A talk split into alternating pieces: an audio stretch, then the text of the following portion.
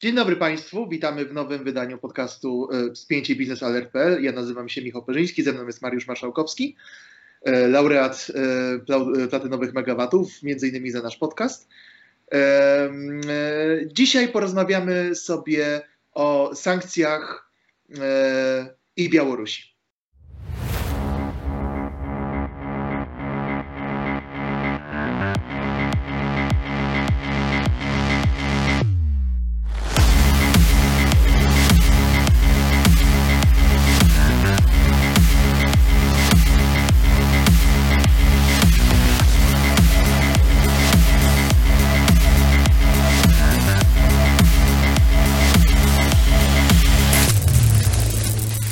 Europejska nałożyła, nakłada sankcje na Białoruś w związku z łamaniem praw człowieka. I porozmawiamy przez chwilę na ten temat z perspektywy trochę innej, ponieważ z perspektywy Ukrainy wiemy, że e, te dwa kraje e, są ze sobą ściśle powiązane e, gospodarczo i między innymi też w, w obszarze energetyki.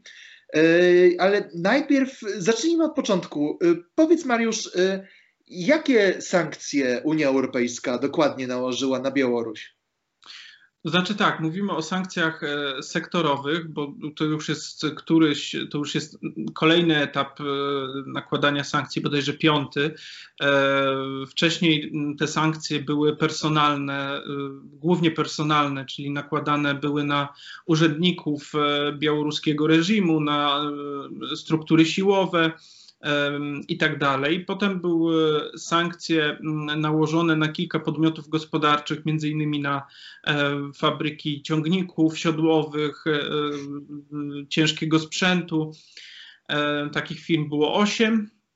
No i teraz 24 czerwca wprowadzono, Komis Rada Europy wprowadziła kolejny pakiet sankcji. Tym razem są, są to sankcje E, sektorowe, czyli mówiąc wprost, sankcje gospodarcze. Bardzo szerokie sankcje gospodarcze, e, bardzo bolesne sankcje gospodarcze, ponieważ e, sektory, który, które zostały objęte tymi restrykcjami, no, są, odpowiadają za większą część białoruskiego PKB i, i sposobu pozyskiwania dewiz z eksportu.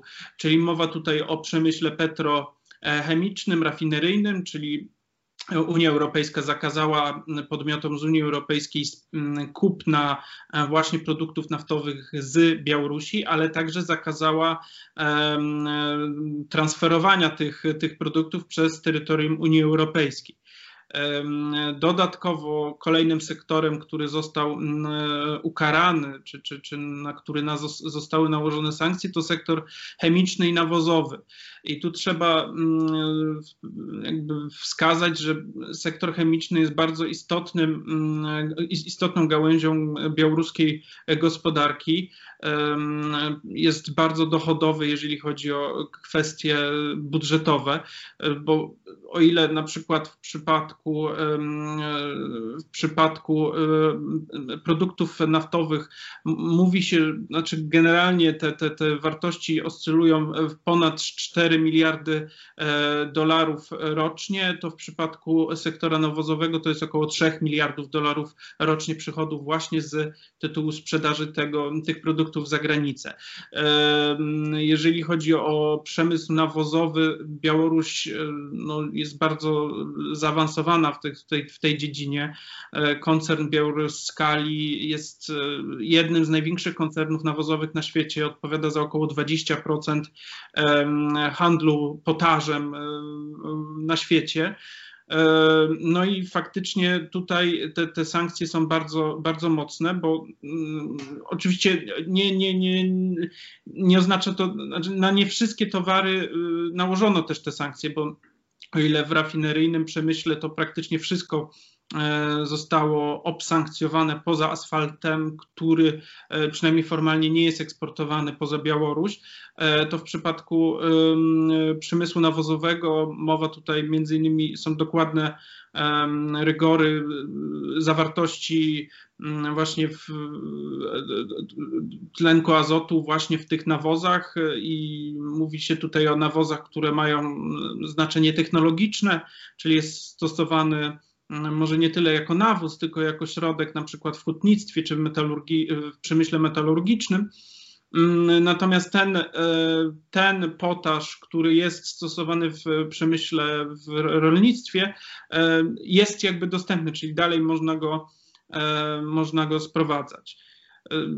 Oczywiście poza, poza tymi dwoma sektorami jeszcze nałożono restrykcje na mm, przemysł zbrojeniowy, na tak zwane mm, technologie podwójnego zastosowania, czyli takie, które mogą zarówno znaleźć zastosowanie na rynku cywilnym, jak i na rynku wojskowym. Wprowadzono ograniczenia w kredytowaniu mm, białoruskiego długu, w udzielaniu pożyczek e, finansowych właśnie e, podmiotom państwowym.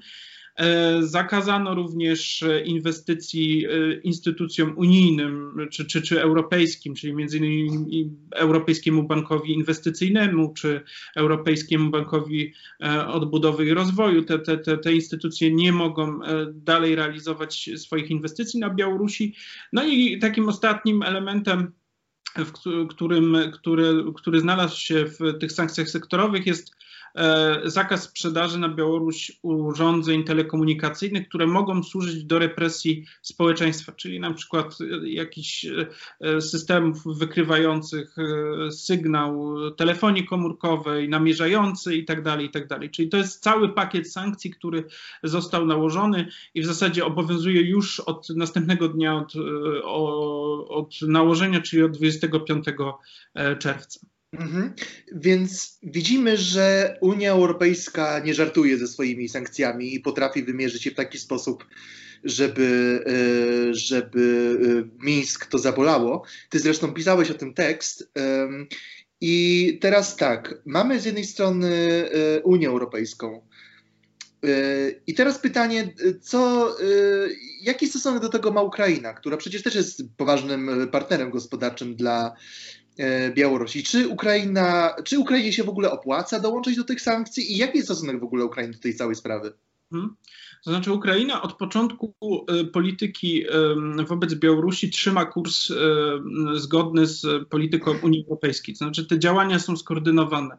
Unia Europejska nakładała sankcje personalne, Podobne sankcje personalne wprowadzała e, Ukraina. Oczywiście nie jeden do jeden, ale te sankcje były bardzo mocno zbliżone do siebie. Kiedy Unia Europejska zakazywała lotów samolotów nad e, terytorium Białorusi i w drugą stronę, czyli zakazywała przelotu białoruskim liniom lotniczym nad terytorium Unii Europejskiej, to bardzo podobne sankcje wprowadziła Ukraina, czyli Ukraina również ponad Ukrainą samoloty białoruskich linii lotniczych nie latają.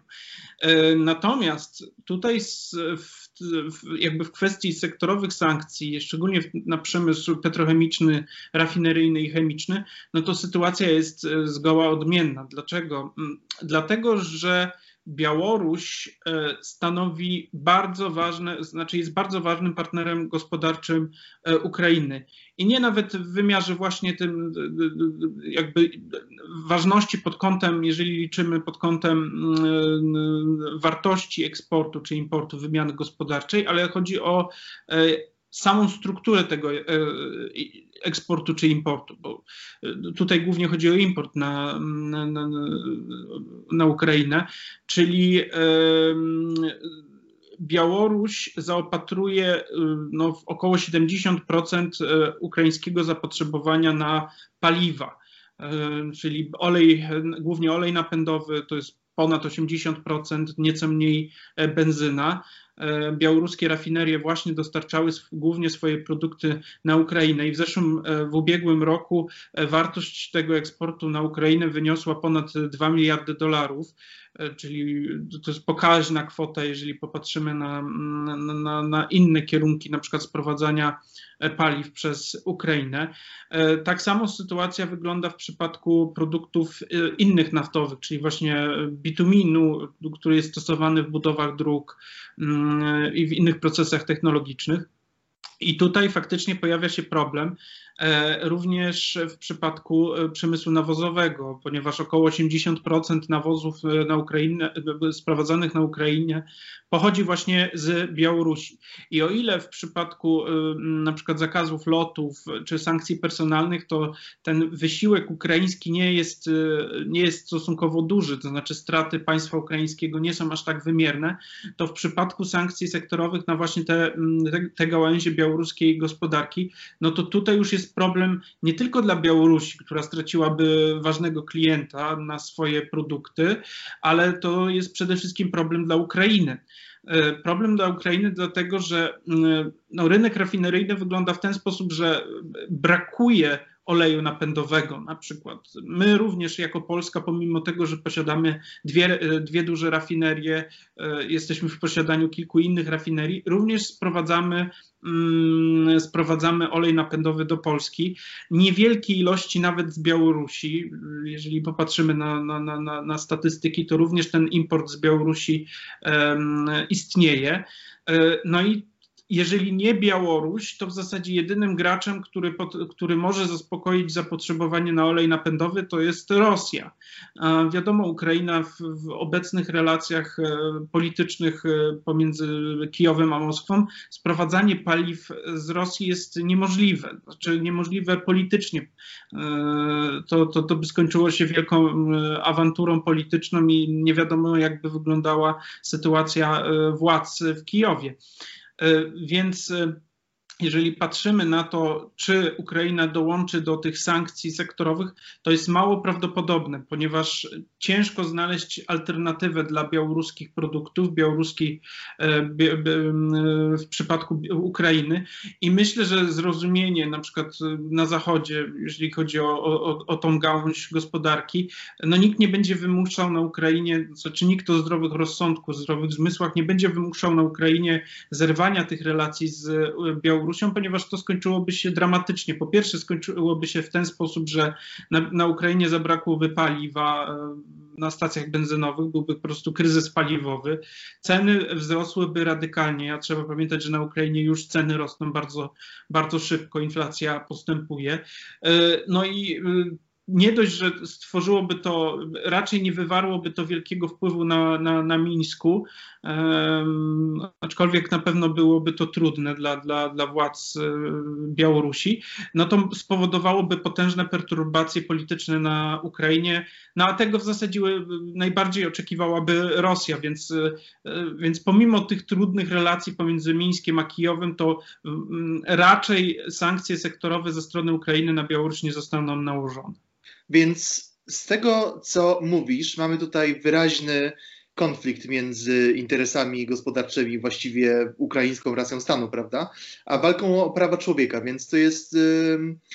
Więc y, ciężko tutaj orzec, więc powiedz, jak uważasz, czy w takim razie, co w takim razie jest Unia Europejska jest w stanie ugrać z tymi sankcjami? Czy te sankcje są w ogóle w stanie mhm. cokolwiek zmienić? To znaczy, na pewno te sankcje, które zostały wprowadzone, są najsilniejszym pakietem sankcyjnym, jaki kiedykolwiek został wprowadzony na władzę e, Łukaszenki. Wcześniej to, tak jak wspominałem, nawet po 2010-2011 roku, po tych represjach, które zostały też obsankcjonowane przez Zachód, no to to nie decydowano się na sankcje sektorowe. E, nie decydowano się, bo liczono, że jednak Mińsk, pomimo swojej takiej autorytarnej polityki Łukaszenka, że jednak e, sankcje sektorowe są takim, mm, takim czymś, co pali mosty i całkowicie e, no, blokuje możliwość jakiegokolwiek dialogu jeżeli chodzi o sankcje, no to faktycznie one są trudne, one są dla, dla Białorusi um, wyjątkowo bolesne, natomiast um, tu trzeba na to patrzeć z perspektywy tego, co, jak, jak postąpi Rosja. Bo same sankcje na Białoruś to jest jedno. I rzeczywiście na przykład Białoruś nie będzie mogła sprzedawać swoich produktów naftowych do Holandii, która jest dużym rynkiem zbytu Około 20% y, sprzedaży białoruskich produktów naftowych trafia na rynek Unii Europejskiej. E, dużym rynkiem zbytu dla białoruskich produktów naftowych jest również Wielka Brytania, która pewnie również, pomimo iż nie jest w Unii Europejskiej, zapewne e, dołączy do, do tych sankcji. Mm, e, natomiast jakby clue E, tego, tych, tych sankcji jest takie, że Białoruś, już o tym się prawdopodobnie mówi, e, znaczy już o, już o tym się mówi w kręgach e, politycznych i, i białoruskich, żeby po prostu oszukiwać ten system sankcyjny, żeby go jakoś wymijać, a pomóc w tym omijaniu mogą firmy rosyjskie i Trzeba pamiętać, że Białoruś przez od 2015 roku, czyli od momentu nałożenia sankcji sektorowych na Rosję, nauczyła się pewnych mechanizmów, jak działać w reżimie sankcyjnym w stosunku do drugiego państwa. No, myślę, że wszyscy pamiętamy e, banany białoruskie, te historie z bananami białoruskimi, które trafiały na rynek rosyjski, z krewetkami białoruskimi, które trafiały na rynek e, rosyjski, z jabłkami. No jabłka to akurat mniej, no, no, jabłka na Białorusi rosną, ale były to polskie jabłka, które były jakby no, przemetkowywane, że to był białoruski towar i Rosjanie ten, te, te, te, te produkty sprowadzali. Czyli generalnie wszyscy widzieli um, pewne um, pewne problemy, ale no wiadomo było, jak je obejść. I Białoruś stanowiła właśnie taki, taki sposób obejścia. No i teraz jestem przekonany, że władze w Mińsku właśnie w ten sposób patrzą również e, obecnie, czyli e, na przykład będą wysyłać swoje towary, swoje produkty naftowe do Rosji, tam one będą mieszane, będą sprzedawane jakiejś rosyjskiej firmie, jakiemuś krzakowi, nazwijmy to firmie Krzak, która potem po prostu będzie te towary sprzedawać sprzedawała e, do jakiegoś, do jakiegoś importera, który będzie to dalej obracał w, na rynku europejskim. Oczywiście marża będzie niższa, bo będzie trzeba więcej pośredników opłacić, no ale koniec końców jakby ta, ten, ten produkt zostanie sprzedany. Jeżeli chodzi o produkty nawozowe, y, to jednak mm, z ponad 2 miliardów e, do, dolarów, które przyniósł e, eksport produktów nawozowych w zeszłym roku, około 200 milionów milionów, niecałe 200 milionów dolarów przypadało na Unię Europejską. Czyli to jest wciąż stosunkowo niewiele. Mm, I, y, i te sankcje jakby sprowadzania produktów e, nawozowych nie są aż tak ciężkie dla Białorusi. Cięższe jest co innego. Cięższe jest i, i bardziej bolesne zakaz, e, zakaz e, pośredniczenia w sprzedaży tych produktów. Dlatego, że Białoruś z racji tego, że jest państwem śródlądowym, nie posiada portów, nie ma otwartego dostępu na, na świat, na rynki światowe, korzystała z portów litewskich, sprzedając swoje nawozy. I tak w zeszłym roku samych nawozów przez Kłajpedę przeszło około 12-13 milionów ton w ciągu jednego roku. To odpowiada około 30% przeładunków e, w Kłajpedzie. E, I teraz tam Białorusini nawet zainwestowali kilkadziesiąt milionów euro w rozbudowę portu jednego z terminali masowych właśnie w Kłajpedzie. E, no i teraz e, będą musieli szukać alternatywy. No oczywiście alternatywa zapewne znajdzie się w jakimś porcie w Ustłudze, w Petersburgu czy, czy w jakimś innym rosyjskim porcie. E, oczywiście zmniejszy to marże, bo trzeba będzie dowieść to, znaleźć nowe łańcuchy logistyczne, trzeba będzie dostosować port i tak dalej, i tak dalej. Natomiast tutaj problem pojawia się również dla Litwy, bo Litwa no, będzie tym państwem w Unii Europejskiej, które najmocniej zostanie dotknięte tymi sankcjami w drugą stronę To znaczy, jeżeli y, Litwa na, samych, na samym przeładunku białoruskich towarów e, według e, Ernst Younga, firmy analitycznej, zarabiła, zarabiała w 2019 roku 160 milionów euro. Do tego dochodzą jeszcze kilkanaście milionów euro z tytułu transportu tego, tych towarów przez koleje litewskie.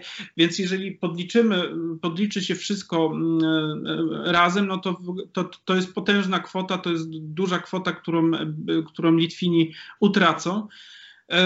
No i tu Litwa faktycznie jest najbardziej poszkodowana. No ale odpowiadając już tak całkowicie krótko i czy, czy co, co te sankcje przyniosą, jaki będą miały wpływ, Właśnie, tu wracamy do tego, co na początku, czyli jak Rosja zareaguje, bo jeżeli Rosja będzie pośredniczyć w, w tych szwindlach e, Łukaszenki, e, no to, mm, to, to reżim w Mińsku jakoś się utrzyma, ale z drugiej strony może to być jeszcze mieć jeden wpływ, jeden element, jeszcze większy Mm, wpływ Rosji na Białoruś. No bo teraz sobie wyobraźmy, że z, z, każdej strony Białoruś jest otoczona przez państwa albo Unii Europejskiej, albo Ukrainy i wszystkie te państwa e, wprowadzają restrykcje na na przykład na handel tym białoruskimi towarami, czy to petrochemicznymi, czy, czy, czy rafineryjnymi, czy chemicznymi. No i teraz e, pozostaje jedynie granica z Rosją. No Rosja mając świadomość pozycji Łukaszenki, no będzie miała jeszcze większy wpływ, jeszcze większe możliwości na nacisku. I tak jak mówi się o tym, że z map drogowych integracji, czyli e, z tych 28 dokumentów, które przybliżają, czy mają stanowić potem jakąś formułę integracji Białorusi i Rosji, został jeszcze jeden punkt związany właśnie z kwestią energetyki.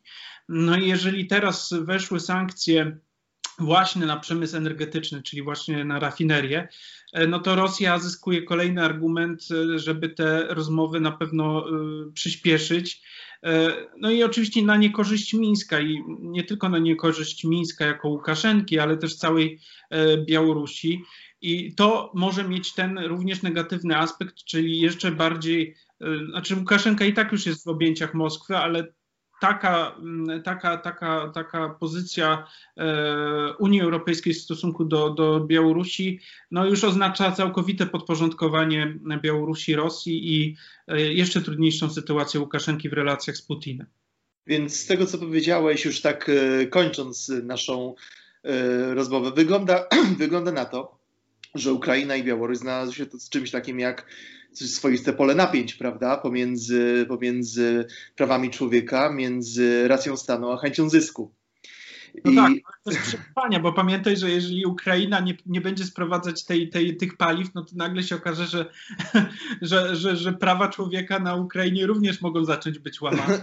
No właśnie, więc y, i, tą, y, i tą myślą zakończymy dzisiaj y, nasz dzisiejszy podcast. Dziękujemy za uwagę. Ja nazywam się Michał Parzyński, ze mną był Mariusz Marszałkowski i zapraszamy na następny odcinek z pięcia Business Alert.pl. Do usłyszenia.